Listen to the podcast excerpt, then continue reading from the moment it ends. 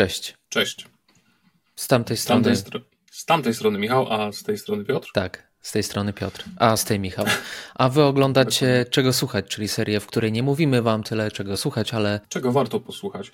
Postanowiliśmy sobie odświeżyć troszkę format i przyjrzeć się najciekawszym albumom, jakie wychodziły w danym miesiącu od początku roku. Przy czym nie zawsze będą to najlepsze albumy, ale takie, które są dla nas ciekawe, chcemy o nich coś powiedzieć. Akurat w tym odcinku będzie chyba dużo bardzo dobrej muzyki. Nie wiem, czy się ze mną zgodzisz. zgodzę się, oj Tak. tak, bardzo, tak. A omawiamy dzisiaj miesiące. Czerwiec, lipiec i sierpień.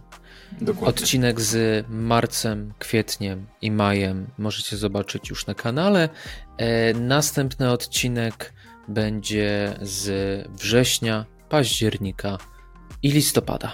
I żeby jeszcze troszkę wszystko urozmaicić, postanowiliśmy też przygotować specjalny odcinek Czego Słuchać, w którym skupimy się tylko i wyłącznie na polskich artystach. To jest pomysł Michała, więc jeśli jesteście ciekawi, wypatrujcie znaków. Sprawdźcie też naszą playlistę, na którą wrzucamy muzykę z tej serii, ale nie tylko, również albumy, o których tutaj nie wspomnieliśmy, a które są naszym zdaniem wciąż warte sprawdzenia. Okej, czerwiec.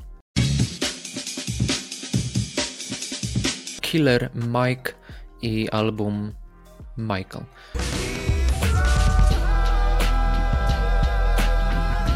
Jest to solowy album Killer Mike'a, czyli inaczej Michaela Santiago Rendera, znanego z duetu Run the Jewels, pierwszy solowy od 11 lat. Nagrany z potrzeby, tak myślę, przepracowania śmierci jego matki. Ten temat bardzo często się pojawia, tego jak on próbuje sobie z tym poradzić, jak próbuje przeżyć ten czas. Dużo jest tu nawiązań biblijnych do walki wewnętrznej. Nie jest to album idealny, nie jest to album, myślę, w żaden sposób lepszy muzycznie czy lirycznie od tego, co wydaje the Jewels, ale jest to album bardzo osobisty i bardzo wzruszający. Myślę, że warto go posłuchać przynajmniej e, raz i, i wzruszyć się chociażby na Motherless, czy e, żeby posłuchać e, na wiki Andre 3000 w Scientists and Engineers, bo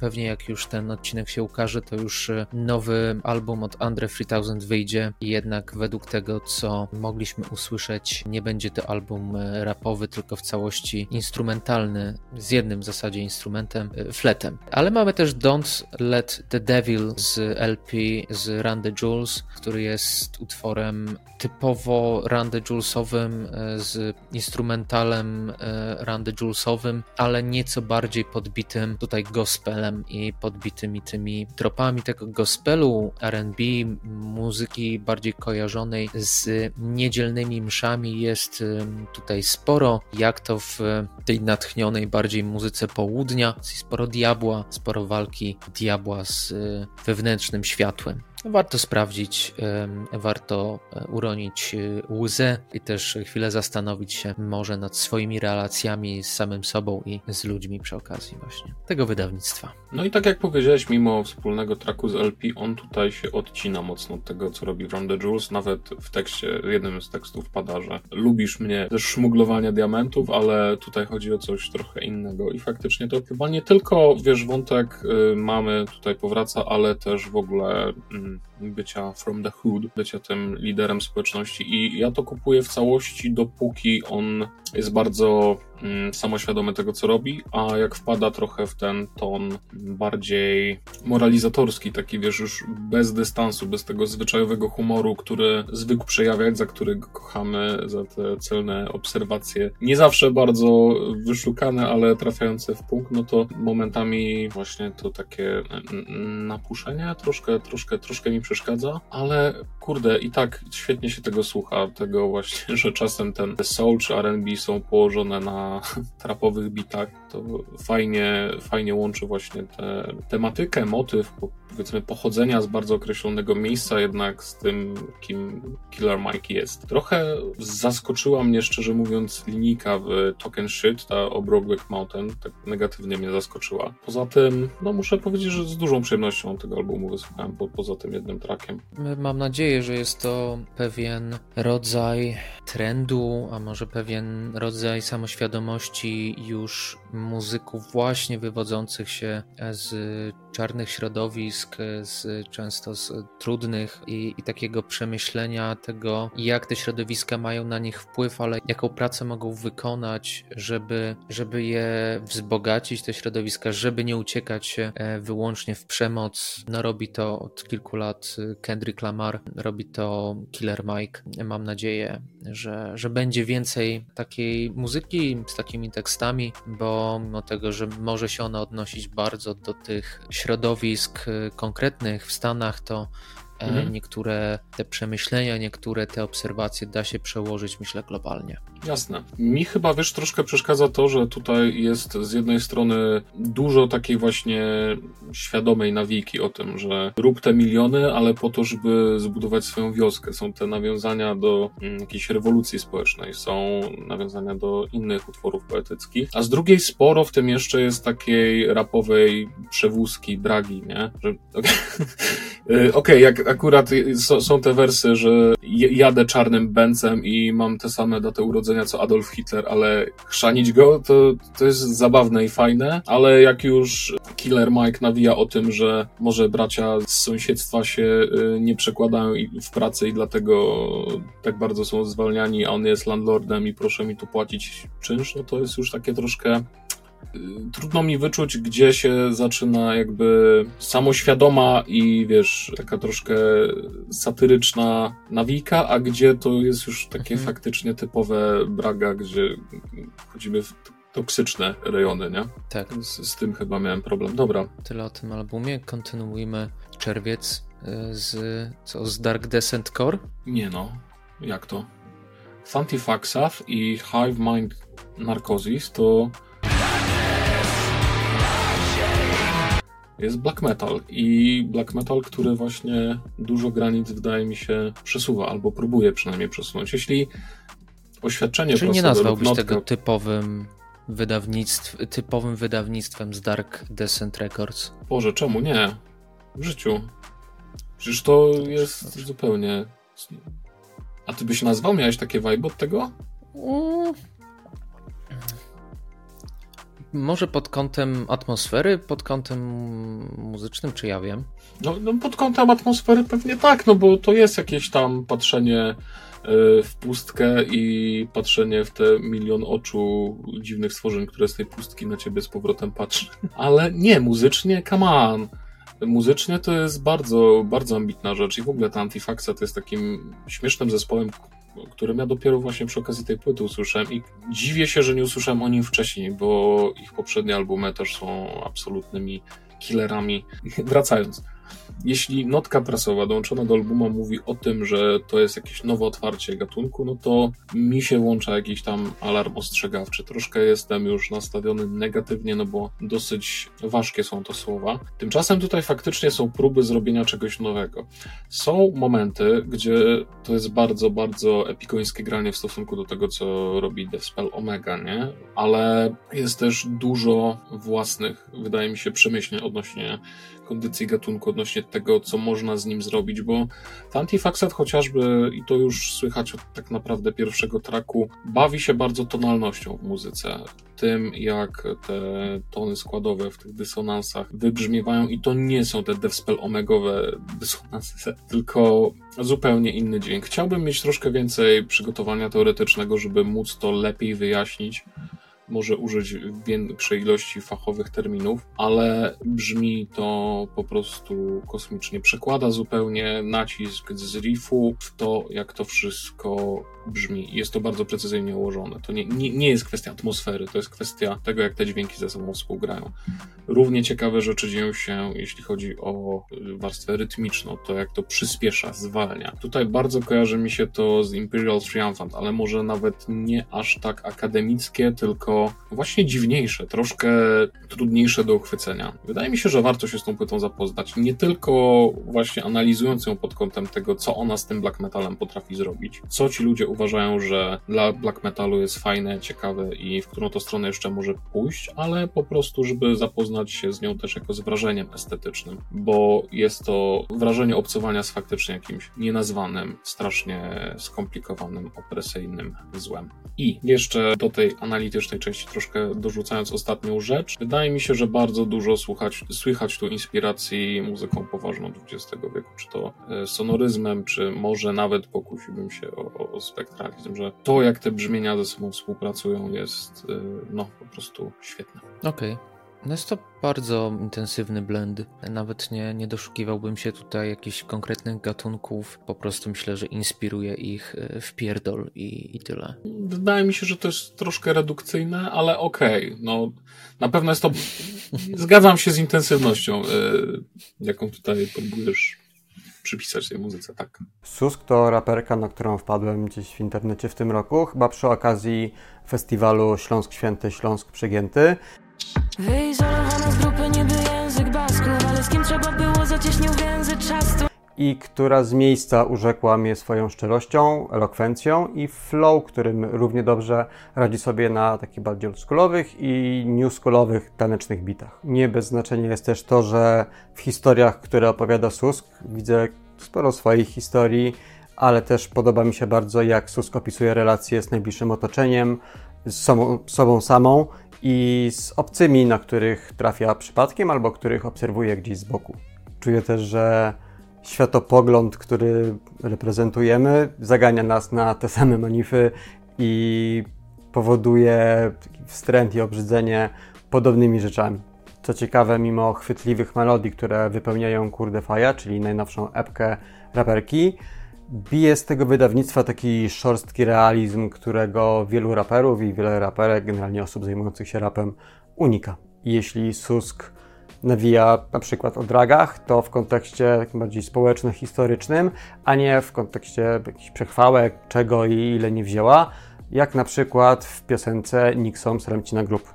W piosence Savoir Vivre manifestuje niechęć do pędu za hajsem i popularnością, a nad wszechobecny na scenie narcyzm i egoizm przedkłada swobodę twórczą i działanie na swoich warunkach. Kiedy natomiast nawija o sobie, to szczerze otwiera się przed słuchaczem, mówi o swoich słabościach, swoich lękach, o świadomości czasu przepierdzielonego na głupoty albo stłamszonego przez stany depresyjne, z których, wobec których często była bezsilna. Sus generalnie no, w chuju ma przechwałki i figowanie własnej tożsamości po to, żeby dobrze wypaść w social mediach, czy przyciągnąć do siebie jakiegoś mało refleksyjnego odbiorcę. Raperka nie lansuje się na głos pokolenia, chociaż często bardzo precyzyjnie wyraża jego bolączki czy jakieś tam problemy. Sporo w jej tekstach odniesień do innych dziedzin sztuki niż tylko muzyka. Do muzyki oczywiście też bardzo często sięga, czy tam porównań do muzyki bardzo często sięga, ale, ale nie tylko, bo też sporo tutaj mm, metafor y, i, i porównań związanych z innymi dziedzinami sztuki, co czyni ją niezwykle oryginalną w przeciwieństwie do większości bardziej popularnych kolegów i koleżanek po fachu. Szczególnie, że artystka potrafi operować bardzo fajnie swoim głosem, to znaczy potrafi po pierwsze wejść w taką mega gęstą nawijkę i, i z tym radzi sobie świetnie, ale też nie unika takich bardziej śpiewanych, powiedzmy lekko śpiewanych mm, fragmentów, które udowadniają, że jest świadoma swojego głosu, który czasem potrafi być powabny, czasem potrafi być bardziej chropowaty, ale zawsze jest bardzo precyzyjnie użyty. Kurde Faja brzmi na pewno lepiej niż poprzednia apka artystki, czyli zmienne zakłócające z zeszłego roku. Nie wiem, czy dlatego, że praca taka domowa została przeniesiona na pracę w studio, natomiast no już po pierwszym odpaleniu słychać, że miks zarówno wokali, jak i same bity brzmią tu zdecydowanie lepiej. A jeżeli chodzi o muzykę, no to właśnie mamy tutaj dużo takich kontemplacyjnych utworów i takich też bujających i ponownie przygotowała je w większości Sotka Kotka raz, dwa, trzy i tutaj też czuję duży progres, więc oby tak dalej dziewczyny. Kiedy album? Cześć moi drodzy, to jest mój kot numer 3 z 5. Nazywa się Kluska. Jest bardzo mała i nie za bardzo lubi siedzieć na rękach, ale chciałem wam ją tylko pokazać, więc teraz ją puszczę. I możemy przejść do czerwca. Jeśli chodzi o czerwiec, to chciałbym wam zaproponować, wow, szokujące, po raz kolejny kapelę post-hardkorową około black gaze'ową, ale tutaj bardziej jest post-hardkorowa. E, jest to amerykańska kapela To Be Gentle z ich trzecim albumem w tym roku, jeśli dobrze pamiętam, pod tytułem What Keeps Me Here. To Be Gentle jest tym post-hardcorem, jest tym screamo skręcającym bardziej w to cięższe brzmienie, czyli więcej ścian dźwięku, więcej bardziej agresywnych e, i szybszych riffów, e, mniej powiedzmy tych postowych pasaży, melodii, i oczywiście akompaniowane jest to przez niemalże agonalny, bardzo mocno emocjonalny wokal. Co mi, się, co mi się podoba, że jest to zespół, który funkcjonuje w bardzo podobny sposób do Sadness albo Trha, czyli wydają bardzo dużo albumów w ciągu roku. I na What Keeps Me Here słyszę ogromny progres tej kapeli. Słucham już ich od jakiegoś czasu i na tej płycie widać efekt pracy, którą wkładają w każde kolejne swoje wydawnictwo. I tutaj na przykład dobrym przykładem będzie, będą takie myki kompozycyjne, że z jednej strony właśnie mamy gitarę rytmiczną, mamy czasem to po prostu będzie jakiś riff, czasem to będzie jakaś ściana dźwięku i komplementuje ją, jednocześnie wyróżniając się druga gitara, która gra ten element melodyjny, tą melodię główną powiedzmy utworu i to wszystko świetnie jest spinane przez perkusję i bas. Bardzo mi się podoba jak zespół z płyty na płytę pokazuje Bardzo mi się podoba, jak zespół z płyty na płyty pokazuje coraz większą dojrzałość, coraz większe zrozumienie tego, co chcą grać, swoją tożsamość. I wydaje mi się, że What Keeps Me Hero to Be Gentle jest definitywnie przykładem tego, jak ten zespół będzie chciał funkcjonować w przyszłości, co zresztą możecie sprawdzić, bo wydali już kolejną epkę i kolejny album, na którym no, są w, jest w pewien sposób dowód tego, co wam mówię teraz, ale jesteśmy w czerwcu, więc mówię o płycie czerwcowej.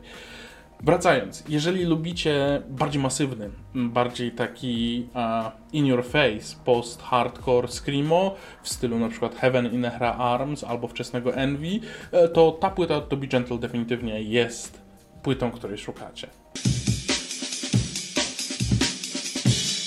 Co mi powiesz o terapii Lipiec? grupowej? Jasne, lipiec. Terapia grupowa, lipiec. Group Therapy jest to pierwsze długogrające wydawnictwo od tego tria, niegdyś e, kwartetu bodajże.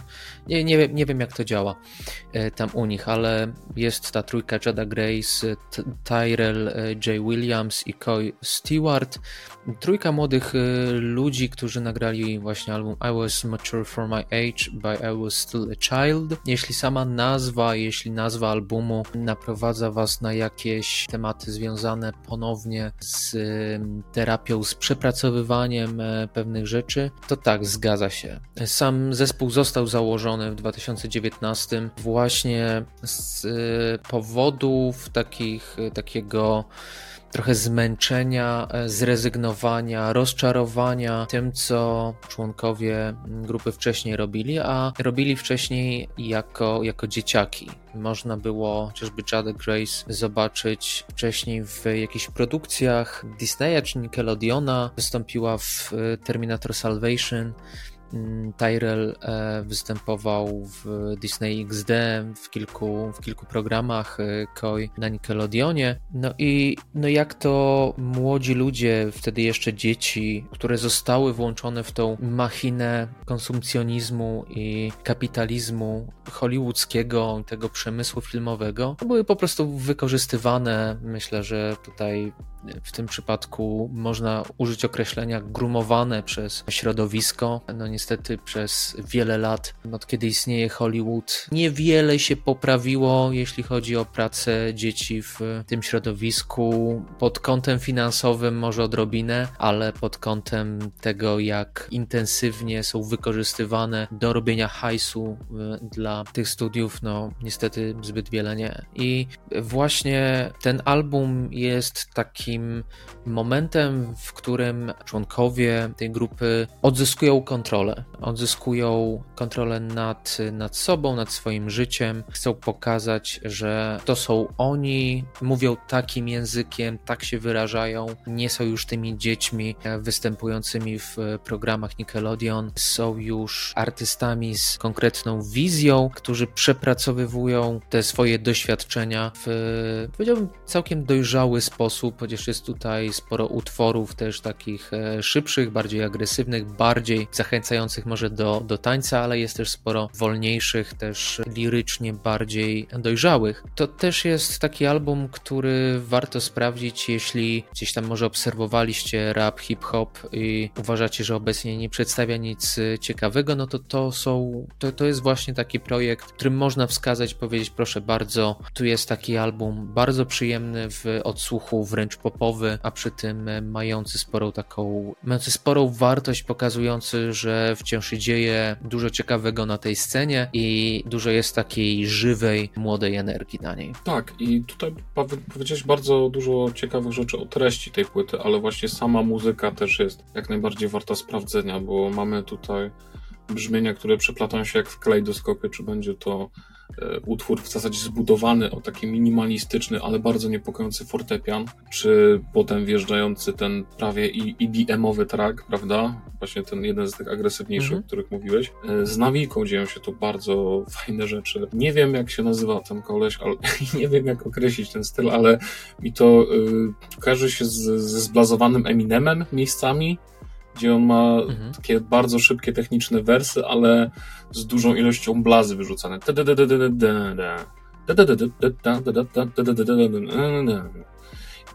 Bardzo, bardzo fajne zabawy rytmem, głosem i tak, jestem zaskoczony, że aż tak mi się to podobało. Myślę, że tutaj nie, nie, ma, nie ma takiego zaskoczenia, bo to jest album, który jest bardzo przebojowy. Album, który jest popowy, który jest zrobiony tak, żeby się podobał. E, tak jak zresztą wspominają w jednym z utworów, że no, współczują tym, którym się to nie podoba, ale no co zrobią? Na ten moment już nie gonią za tym, żeby ich twórczość podobała się wszystkim. Okej, okay. E, czekaj. No, ktoś do mnie dzwoni. Jasne. E, halo? To chyba lata 70. to do ciebie. Aha, już. Wiesz, ja miałem w ogóle plan, na początku, jak zobaczyłem taką ilość hip-hopu, żeby wszystkie te trzy rekomendacje zrobić w takim klimacie, żeby z czerwca to było Witch Hazel, mhm. z lipca właśnie ten Flight, o którym za chwilę powiem, a z sierpnia Spirit Adrift, ale stwierdziłbym, że sam chyba nie byłbym w stanie przysłuchać takiej ilości heavy metal, żeby się przygotować do tego odcinka. Niemniej, to są wszystkie trzy dobre płyty, ale chciałem powiedzieć o jednej, właśnie o Echoes of Journeys Past norweskiego zespołu Flight. I no tak, to są lata 70. I wydaje mi się, że kolejny zespół ze Skandynawii, o którym ty zaraz powiesz, ma z tym zespołem coś bardzo dużo wspólnego, mimo tego, że gra zupełnie inną muzykę i jest może dużo bardziej współczesny. Słucham? M może chodzi o sąsiadowanie, tak? Podobny. Nie. Wiesz, region? wydaje mi się, że Nie? te dwa zespoły łączy to, że tworzą je naprawdę świetni muzycy, którzy nie, może nawet Ale to nie są... o wszystkich zespołach można powiedzieć dzisiaj. Ale nie, bo chodzi o pewną lekkość i taką zupełną okay. naturalność w operowaniu instrumentami. O to, że ten metronom może gdzieś tam jest, ale tak naprawdę ci muzycy grają ze sobą w jakimś groove'ie i świetnie mm. Przekuwają to, co po prostu płynie im w żyłach na dźwięk. Bo ogromną siłą i właśnie tym powodem, dla którego wybrałem Echoes of Journeys Past, a nie czy to Spirited Drift, czy Witch Hazel, jest to, jak ta muzyka jest, no, przepraszam, że użyję tego bardzo nadużywanego słowa, ale organiczna to, że na przykład taki Comet of Gold to jest sama czysta gitarka, jakaś perkusja, chłopce śpiewa niby taką balladę i nagle wypierdala kosmiczną solówkę, która no jest z jednej strony zaskoczeniem, a z drugiej strony, gdy tylko ją słyszycie, gdy widzicie jakie to jest delivery, no macie wrażenie, że o, jej nie mogłoby tam nie być. I takie rzeczy dzieją się cały czas na takim albumie. Tam cały czas jest ta magia czucia idealnego muzyki, którą ci ludzie się zajmują, którą nie mam żadnych wątpliwości, absolutnie kochają. Nawet jeśli to jest troszkę dziadowskie granie, chociaż do tego oni sami, wydaje mi się, trochę mm, tak odnoszą się w tekstach, to cholera, jest to, jest to świetna płyta z lat 70. Ja nie zgadzam się z tobą, że nie ma co wierzyć w tę w te nutkę prasową, że o nie, bo tam nazwać ich vintage'owym rokiem to byłoby dużo nie do powiedzenia, bo tak naprawdę to jest połączenie starych Nie. To jest odgrywanie starych, sprawdzonych patentów, brzmienia wypracowanego przez zespoły ponad 50 lat temu. Ale jest to po prostu zrobione tak lekko, tak naturalnie, przyjemnie, że po prostu zrobicie sobie dużą krzywdę, jeśli tej płyty nie posłuchacie i nie dacie jej szansy. Takie jest moje zdanie. Ciebie aż tak to wynudziło, czy znalazłeś tam jednak jakieś pozytywy? Co przypomina mi się e, taki klip e, z Mike'iem Pattonem, mm, mhm. który na e, pewnym festiwalu usłyszał, jak się ten zespół nazywał? Greta Van Fleet? Wolf Mother. A, Wolf Mother, okej. Okay. Wolf Mother. Słysząc właśnie ten zespół, miałem podobną reakcję jak Mike Patton, e, który usłyszał zespół Wolf Mother. Are you hearing this? What year are we in? Forgive me, but Wolf Mother, you suck. Który mamy rok? Fajnie, że się przy tym dobrze bawicie. Ja niespecjalnie. Okej. Okay. Trochę tro, trochę tak retro, vintage, y, granie dla grania, dla bycia retro vintage'owym. Trochę to jest dla mnie i e, ile 40-50 lat muzyki zmiotło, nie? I, i, i zostajesz e, z tym, co, e, co ci tam nawet już nie tata, dziadek zostawił na tej, na tej półce. Ale okropny jesteś, Michał, dzisiaj. No sorry, no. Sorry. Sorry, I was about to... Sosnowiecki zespół Pleń zadebiutował w lipcu swoim albumem Przechrzta. Albumem, który zarejestrowany i generalnie ogarnięty produkcyjnie został w Anti-Sound Studio w Tarnowskich Górach. Co ważne i podkreślam to już teraz, ale przejdę do tego jeszcze trochę później. I kiedy przeglądałem sobie katalog Old Temple, to okazało się, że debiut Pleń brzmi nie gorzej niż niejedna płyta innych artystów z katalogu tejże wytwórni, ale które grają zdecydowanie dłużej i to nie tylko pod kątem tego, jak Nathan przygotował to produkcyjnie, ale też pod kątem tego, jaka muzyka została zarejestrowana na ten album. Mimo, że grupa nie gra jakiejś super oryginalnej wersji black metalu, to jednak jest w stanie przykuć uwagę słuchacza bardzo szybko, przynajmniej bardzo szybko przykuł zespół moją uwagę do siebie, głównie właśnie takimi niezwykle istotnymi niuansami, które znajdują się w ich muzyce. Głos wokalisty nie brzmi specjalnie oryginalnie, ale na pewno nadrabia to bardzo dobrą artykulacją i poszanowaniem wagi słowa. Jednocześnie nie brakuje tu takiej poetyckiej stylistyki, która bardzo fajnie opisuje egzystencjalny ból, nihilizm, dużo tu bardzo ciekawej symboliki. No i też podoba mi się ten bluźnierczy, ale dojrzały stosunek do religii i to, jak wybrzmiewa to w tekstach. Pokusiłbym się jeszcze o skojarzenie z zespołem Kły, szczególnie w tych deklamowanych narracyjnych wstawkach, bodaj dwóch, które znajdują się na przechrzcie. E, chociażby utwór otwierający to przykład takiego właśnie, takiego właśnie podejścia do budowania narracji na płycie. No i odniesienia do literatury polskiej, symbolika specyficznie użyta właśnie w tych odniesieniach, to również coś, co kojarzy mi się z zespołem Pły. Gitary serwują rzetelne riffy, często też wpadające w ucho melodie, chociaż stylistyki, w której porusza się grupa nie nazwałbym melodyjnym black metalem. Po prostu muzycy wiedzą jak napisać fajny riff i skleić bardzo ładną melodię i to się szanuje. Natomiast widzę tutaj kilka mm, mógłbym tutaj użyć porównań do polskich zespołów black metalowych z większym stażem, bo nawet nie tylko polskich. Natomiast co bardzo ważne i to chciałbym podkreślić, są to inspiracje, a nie reprodukcje i fajnie, że te inspiracje muzycy wykorzystują w tak dobry sposób. Przykładem może być piosenka A żółć niech wypływa przez palce, która swoimi harmoniami i tętnem może kojarzyć się na przykład z mgłą, ale po zaznajomieniu się z twórczością Plain słychać, że to właśnie ma taki pleniowy charakter. Ze wszystkich instrumentów, które zarejestrowane zostały na płytę, najbardziej podobają mi się mm, partie perkusji, głównie ze względu na akcenty, rytmikę i timing, na przykład pauzy w piosence tytułowej, które tworzą taką szarpaną motorykę, do tego fajny dialog wokalu i perkusji w piosence niosący ogień. W Mrowie dostajemy rewelacyjne partie werbla, to bicie werbla w drugiej połowie tego utworu, w ogóle majstersztyk, no i bardzo kreatywne wykorzystanie talerzy w burzy. To w sumie chyba takie najznamienitsze elementy, których mógłbym teraz powiedzieć. No i ciekawie wypada bas, który wszystko fajnie spaja i wypełnia, a jeżeli chodzi o takie wyraziste partie gitary basowej, to też w piosence Burza tam dostajemy bardzo ładne melodie grane na basie. Całość okala takie szorstkie, ale drobiazgowo wymodelowane brzmienie, co jest zasługą Nathana z Antisun Studio, który rejestrował partię instrumentów i wokalu, ale też miksował i masterował całe wydawnictwo, więc ta część produkcyjna należała do niego, ale nie tylko, bo też dograł swoje partie instrumentów, jakieś tam ambientowe zgrzyty. I słychać, że muzycy i producent spędzili naprawdę dużo czasu nad tą płytą, że nikt nie szedł tutaj na skróty. Sam miałem ogromną przyjemność pracować z Nathanem przy nagrywaniu muzyki, więc gdzieś podskórnie wyczuwam y, jego, jego wkład w tę płytę. Natomiast tak, to słychać tutaj rzetelne podejście i, i to, że wszyscy, którzy brali udział w nagrywaniu tego albumu, bardzo się do tego przełożyli, co przełożyło się na bardzo ciekawe wydawnictwo.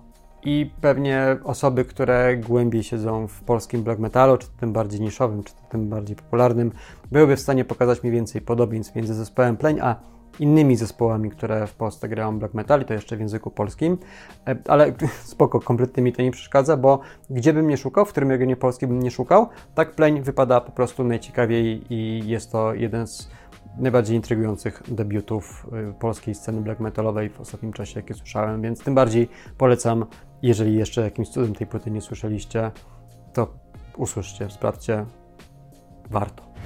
Nie mogę przestać jej głaskać, seriously. Ma futro jak królik. Jeśli chodzi o lipiec, to, to nie jest tyle co polecenie, a raczej chcę trochę chwilę ponarzekać, dlatego że będziemy mówić o jednym z zespołów, który wprowadził mnie w bardzo szeroki gatunek atmosferik black metalu i zespół, który kochałem i kocham w sumie nadal już od wielu, wielu, wielu lat. Mowa, mowa o brytyjskim Fan i ich najnowszej płycie Monuments to Absence. Fen poznałem, kiedy wydali płytę Epoch w 2011 roku. Był to, był to nieziemski a, album atmosferik black metalowy, mega melancholijny, bardzo taki marazmatyczny, rzekłbym, i później wydali jeszcze lepszy Dust Walker i potem wydali Carrion Skies, które tuż było super. I tak mi się podobało, że de facto zamówiłem sobie następny ich album Winter, już sama nazwa mi mówiła, Boże święty, ale to będzie dobry atmospheric black metal, Chryste święty, no zima i atmospheric black metal, lepiej być nie może, więc zamówiłem jakąś super limitowaną edycję, puściłem i umarłem z nudów.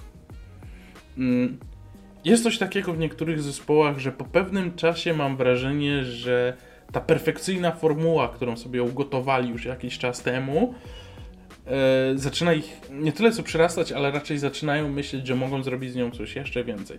Ja nie mówię, że zespoły mają przestać ewoluować, bo to jest oczywiście niemożliwe. Każda, każdy muzyk w jakimś stopniu ewoluuje, nawet grając to samo, no to cały czas się rozwija i tak dalej, ale bardziej mi chodzi o to, że to jest takie trochę don't mess with success. No, w zasadzie Fen miał fenomenalny koncept tej łączenia takiego epickiego, e, bardzo takiego monumentalnego black metalu z tym melancholijnym aspektem, czego doskonałym dowodem jest, są te wstawki black and rollowe w Consequences z Dust Walker, czy Menher Supplicant z Carrion Skies, który ma zarówno bardzo fajne, powolne pasaże, jak i też mega, mega eksplozywny moment, który dosłownie ludzie są w stanie skandować. E, I Mam wrażenie, że ten sukces ich trochę przytłoczył.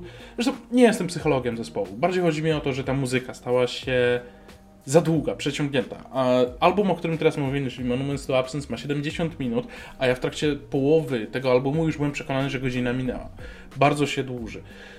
Fen, kiedy ma dobre momenty na tym albumie, są bardzo dobre. Na przykład w utworze Truth is Futility jest fenomenalny, taki bardzo fajny, energiczny wstęp, który się rozwija, rozwija, rozwija, rozwija, no po prostu bomba i gdzieś w około 6 minuty nagle wjeżdża taki ambientowy pisk prawie, że i się ciągnie przez parę minut. I mam wrażenie, że właśnie ta płyta tym jest, że jest nierówna, bo gdyby skupili się, moim zdaniem, podkreślam, nie jestem tutaj kimś, kto może decydować o psychologii zespołu i o tym, co oni chcą grać, ale no, mogę decydować o własnym odbiorze i właśnie w moim odbiorze jest za dużo za dużo, tak, to jest dobre określenie, po prostu jest za dużo, w sensie no, ta płyta się dłuży niemiecko i żałuję, bo gdyby właśnie była trochę krótsza, trochę bardziej skoncentrowana, to, to byłaby to fenomenalna płyta, bo mówię, kiedy Fen robi coś dobrze, robi to bardzo dobrze, tylko problem jest taki, że to bardzo dobrze znajduje się mniej więcej gdzieś, macie, jak macie utwór, to znajduje się gdzieś tu, potem od tego miejsca tu jest nuda, czekajcie, nie umiem ułożyć no wiecie o co mi chodzi, nie? I, i tu na koniec znowu jest fajnie, nie? E, I kurczę, chciałbym, żeby wrócili po prostu do trochę tych swoich konceptów sprzed tych 9 lat. Może nie wiem, może się mylę, może ta płyta ma w sobie coś, czego ja nie słyszę, albo może zwyczajnie w świecie mam złe podejście. Jeśli uważacie inaczej, słuchaliście tej płyty i chcielibyście się podzielić tym, co wam się podobało w niej i na co może powinienem zwrócić uwagę, to zapraszam was do komentarzy. Dobrze, opowiedz mi w takim razie o pokrzywce. O pokrzywce? O pokrzywce. Albo ulach. Pokrzywce? A, o ulach. Czy, czy, są tu jakieś ule? Tak, są. The Death of Randy Fitzsimmons, ostatni album ode mnie na ten odcinek. Zespół The Ulki, The Hives. Czyli co, to już mamy sierpień. Sierpień, zgadza się. Powrót y, grupy y, sześciu latach. Ja ich poznałem bardzo wcześnie, w trakcie mojego takiego świadomego poszukiwania muzycznego, a odkryłem ich przez Timbalanda. Bo wystąpili nice. w jednym utworze Timbalanda. Timbaland był wtedy popularny przez swoją twórczość z Timberlake'em i Promiscuous Girl też z Nelly Furtado. Wyszedł ten jego album, gdzie on stał tam na, na dole schodów i, i tam miał różne E, feature'y e, na tym wydawnictwie i naj, najbardziej moją uwagę przykuł właśnie ten feature z The Hives.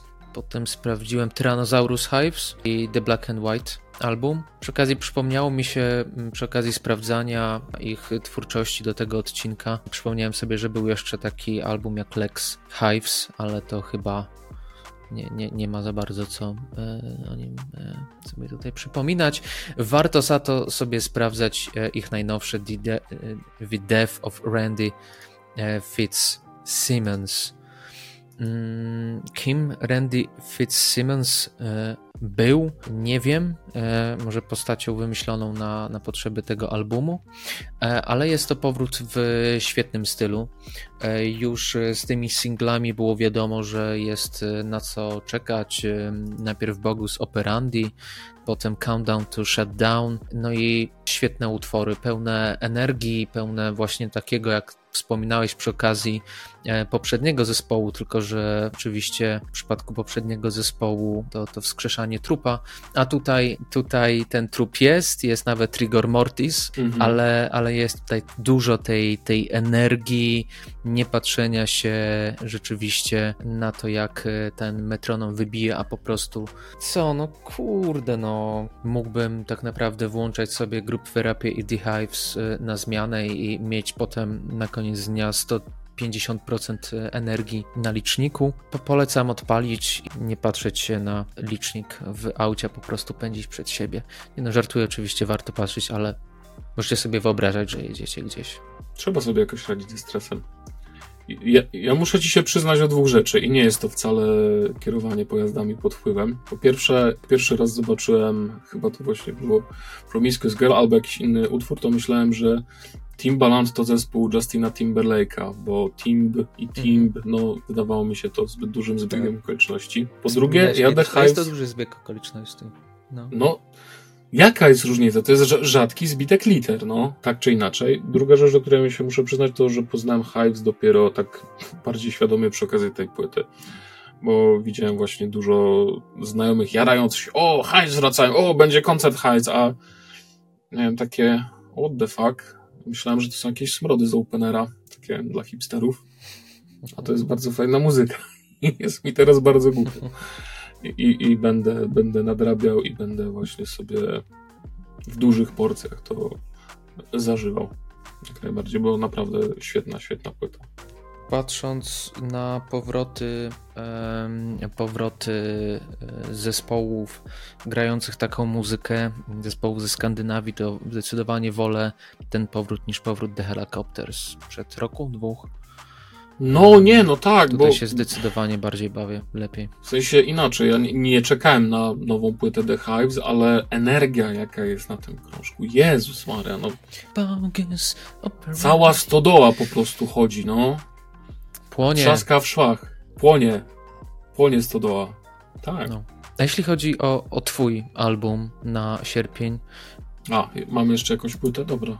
Tak, wpisałem sobie to na Spotify i się zastanawiałem, dlaczego ty wstawiasz kompilację muzyki do medytacji? What the fuck? No widzisz, y, ja wpisałem tutaj, nazwa zespołu czyta się Gautam Buddha, a nazwa płyty, tytuł płyty to Pauna Rajanama Baga. Ponieważ na Bandcampie są tylko te znaczki sanskrytu. No jest w tym coś faktycznie medytacyjnego. To jest black metalowy projekt z Indii, który nie jest jak Cult of Fire, nie ma w tym aż takiej cepeliady, nie ma chęci zrobienia czegoś, ej, albo to jest epickie, mroczne, ale zamiast y, szatana albo ktulu, to tu macie boginię Kali, ona macha sierpem i jest nie, nie. Albo o, zostałem tym śmiercią niszczycielem światów i nie, no to, nie, nie, właśnie to jest y, połączenie, powiedziałbym, black metalowej formuły muzycznej z muzyką hinduską i bardzo fajnie te style się przenikają, tworzą coś takiego bardzo ciepłego, powiedziałbym. To, to, to jest płyta o bardzo ciepłym brzmieniu. Mimo tego, że to niby jest gdzieś tam black metal, to duchowości black metalowej ja tutaj nie słyszę, raczej shoegaze, raczej coś takiego bardzo przyjemnego i może faktycznie medytacyjnego. Te brzmienia muzyki hinduskiej bardzo ciekawie też tutaj uzupełniają te black metalowe riffy i jest to płyta bardzo surowa, bardzo źle wyprodukowana, ale tutaj ta zła mhm. produkcja dla mnie jest jak najbardziej atutem który właśnie. A to jest inny rodzaj złej produkcji niż tak. w przypadku innych e, źle wyprodukowanych albumów e, black metalowych, bo ta piwnica nie jest chłodna, a jest rzeczywiście taka ciepła. Ta kompresja jest w innych pasmach niż, niż normalnie, jeśli chodzi o, o black metal. Tak, i to, to, to, jest coś takiego dziwnego, że ta muzyka sprawia, że ja naprawdę się trochę lepiej czuję, trochę mnie to uspokaja. To jest taki łagodny podmuch ciepłego powietrza, nie? Mimo tego, że tam są i blasty, no, jest popiłowanie gitary, są te skrzeki, to mimo wszystko wydaje mi się, że to jest taka feel good płyta. Może tam jest jakieś zło w tekstach, nie wiem, nie znam, nie znam hindi. Może ktoś z was zna, może, może mi powiecie. Nie chciało mi się wrzucać tego. nie, nie będziemy tutaj robić e, Feel good płyta, okej. Okay. Słucham? A nie? Feel good płytę. A czemu? Nie no, może rzeczywiście w tekstach jest o przyjaźni i o no, Czekaj, posłucham przyjaźni. sobie jeszcze, bo te, teraz czy mnie gazlightujesz chyba. Przecież to jest, to nie wiem, odpalmy pierwszy utwór.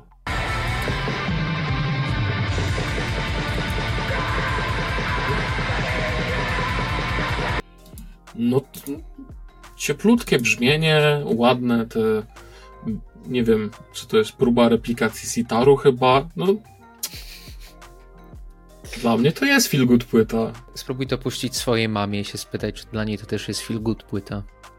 A wiesz, y, zrobię to, zrobię to, ale y, powiem ci od razu, że odpowiedź może cię zaskoczyć, bo puszczałem mamie okay. mojej na Nie doceniłem Dunkę, twojej mamy, słucham? dobra.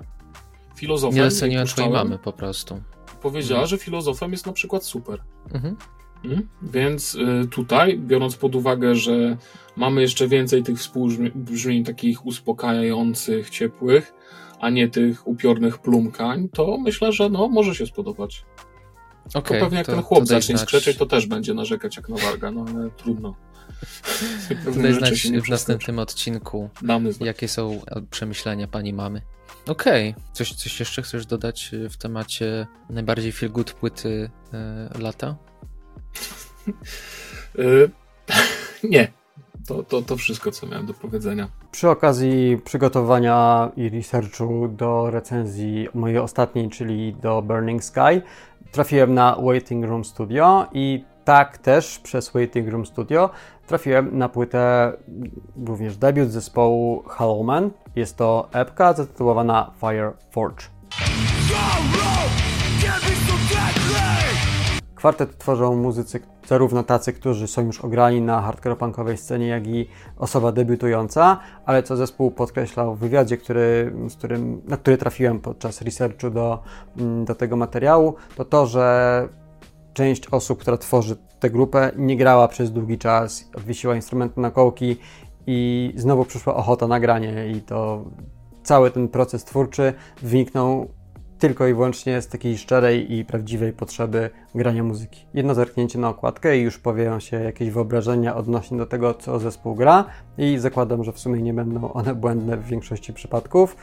Smok będący tatuażem w takim stylu orientalno-tradycyjnym, obowiązkowa siatka z tyłu, mocno oldschoolowe graficiarskie logo i po prostu wiadomo, że z tego albumu bije 100% hardkorowa energia. Kwartet nie boi się jakichś niekonwencjonalnych rozwiązań, jak chociażby w piosence Life w 40 sekundzie, gdzie dostajemy rewelacyjne przejście perkusji, no i też wie, jak zręcznie zaserwować zgrabnie poskładane riffy. Grupa fani operuje też takimi klasycznymi patentami, jak chociażby flażorety w piosence Crushed, które w końcówce zastąpione są gęstym flortomem. Do tego Waiting for Heaven breakdown wjeżdża po przeładowaniu i wystrzale z shotguna, a całość materiału otwiera sample z filmu. To również często zdarza się na hardkorowych płytach. W tym przypadku jest to Denzel Washington z filmu Training Day. Halloween wstrzykują swoją epką słuchaczowi po prostu końską dawkę energii, dlatego raczej polecam to na siłkę albo do biegania. No chyba, że nie boicie się o doniczki żrandole rozjebane na chacie przez machanie łapami. To naprawdę 12 minut mega intensywnego, mega fajnego, szczerego, hardkorowego grania. I chyba obok Sanity Control to też taki zespół, który w Polsce najfajniej łączy hardcore z trashem, przy czym wiadomo, Sanity Control robi to e, kładąc nacisk bardziej na te elementy trash metalowe, a Halloween idzie bardziej w kierunku hardcora, a ten trash jest po prostu ciekawym dodatkiem. Sprzedam Wam jeszcze jednego mojego futrzaka. To jest Dio. To jest mój ośmioletni kolega z interwencji. Bardzo mnie lubi. Widzicie, jak go tylko wezmę na ręce, się przytula. Jest bardzo przyjemny. I to świetnie się składa, ponieważ wykorzystując fakt tego, że powiedziałem słowo przyjemny, możemy przejść płynnie do płyty sierpniowej, którą jest płyta Closure od holenderskiego An Autumn for Crippled Children. Jak pewnie pamiętacie, bądź też kojarzycie, e, Black Gaze, czyli to połączenie black metalu i shoegaze'u, wybuchły jakoś w 2011, 12, 13 roku od, e, z takimi płytami jak, na jak no przede wszystkim de facto Sun, Sunbather od Death Heaven. E, I ten gatunek uzyskał ogromną popularność. Mnóstwo zespołów zaczęło grać muzykę jemu podobną, zaczęło gdzieś korzystać z tych patentów właśnie shoegaze'owych łączonych z black metalem i jednym z takich zespołów właśnie było An Autumn for Crippled Children. Closure jest, jest już ich dziesiątym albumem i cały czas mówimy o tym samym patencie, który moim zdaniem bardzo ich wyróżnia na tej całej scenie, które zresztą też powoli mam wrażenie zaczynają już umierać, w sensie już nie ma chyba takich dużych zespołów, które by dalej to grały, no nie wiem, no może Alces byśmy mogli podmienić, ale no nie ma już dużo zespołów, które by się, które cały czas oscylują wokół tego brzmienia, no bo a ostatnia płyta Death Heaven wszyscy wiemy jak brzmiała. No i wracając do Atom for Crippled Children. E, to jest bardzo ciekawe połączenie dream popu z black gazem, z screamo i z post hardcorem. No ja będę powtarzał te same gatunki do pory dlatego że ja też mam taki rok, że słucham tej muzyki właśnie w tym stylu o wiele więcej, więc jeszcze pewnie usłyszycie ode mnie słowo post-hardcore 5000 razy, zanim się ten rok skończy. Wracając, ten ciekawy element to właśnie jest ten dream pop, bo mm, tak jak kiedyś opowiadałem wam o płycie Asuno Jockey, płycie Island od tego japońskiego zespołu, to pamiętam, że moim takim jednym z ważniejszych punktów, które wyniosłem z tej płyty było to, że była ona mega radosna, w sensie biorąc pod uwagę, że mówimy o muzyce, która, a, której znami, która jest znamiennie wręcz melancholijna, emocjonalna, która polega na tym, żebyśmy wykrzyczeli swoje emocje w świat, żebyśmy no, darli się mówiąc o tym, co w nas siedzi i świadomość tego, że wychodzę z odsłuchu takiej muzyki będąc szczęśliwym i będąc e, rozradowanym, w sensie czując, że jest no taki uniesiony na duchu. No to, to jest magia, wydaje mi się, trochę właśnie takich albumów. I Closure właśnie takim albumem jest. Otwiera go utwór Mist, który jest bardzo mocno dream popowy. Oczywiście cały czas gdzieś w tych rejonach black gaze'owych. I później mamy taką bardzo fajną zmianę e, w tonie tej płyty, dlatego że mm, nie ma tak, że mamy cały czas e, hopsa sasa, taneczne, fajne utwory. Oczywiście są melancholijne utwory, są bardziej e, masywne, bardziej post-hardkorowe, bardziej takie już blackowe utwory i zespół bardzo fajnie zręcznie między nimi przechodzi, tworząc właśnie taką bardzo złożoną, a jednocześnie bardzo prostą do wyczucia atmosferę właśnie, że przejście między tym radosnym tonem do tym bardziej melancholijnym e, i co mi się bardzo podoba, to to, że e, używają syntezatorów, e, które bardzo fajnie wzbogacają już całkiem bogate brzmienie tego zespołu. E, I po prostu no, jest to jedna z tych płyt, która się dla mnie w tym morzu post-hardcora, w tym morzu black gaze'u, którego słucham, bardzo wyróżnia i dlatego postanowiłem, że Wam ją również polecę. Możecie też podsyłać swoje letnie, letniaczki, letniaki. E, ogrzejmy się trochę e, w tej już zimowej atmosferze, bo czemu nie? Na ekranie wyświetlają się oczywiście nasi patroni, to nie są jakieś przypadkowe osoby wylosowane z komentarzy. E, nie, to są prawdziwi ludzie, którzy nas wspierają i za to im dziękujemy. Dołączcie do jej grona, jeśli macie ochotę. Jeśli nie, oczywiście rozumiem, ale miło będzie, jeśli dołączycie. W następnej części, tak jak wspominaliśmy, następne trzy miesiące, tym razem już jesienne, wrzesień, październik i listopad, a potem odcinek polski, e, odcinek z polskimi albumami z tego roku, no i co, już niedługo grudzień, grudzień za grudniem, topka za topką. Jeśli dotrwaliście do końca, wpiszcie w komentarzu rezurekcja, a od nas to wszystko. Cześć. Cześć.